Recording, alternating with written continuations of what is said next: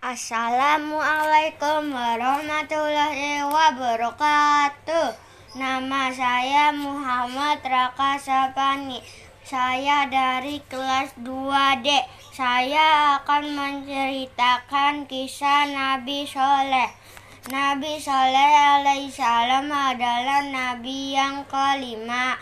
Allah subhanahu wa ta'ala mengutus Nabi Soleh dat Nabi Soleh alaihissalam untuk kaum Samud yang tinggal di dataran Al-Hijar.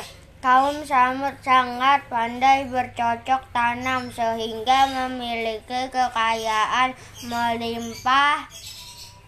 Namun mereka menyembah berhala. Allah Subhanahu wa taala mengutus Nabi Soleh alaihissalam untuk menyadarkan mereka Nabi Soleh alaihissalam terkenal sebagai nabi yang pemberani tetapi kaum Samud tidak mau mengikuti ajaran Nabi Soleh alaihissalam untuk menyembah Allah subhanahu wa ta'ala. Nabi Soleh alaihissalam berdoa kepada Allah Subhanahu wa taala untuk menurunkan azab kepada kaum Samud dan tak ada satupun yang selamat kecuali Nabi Soleh alaihissalam dan pengikutnya.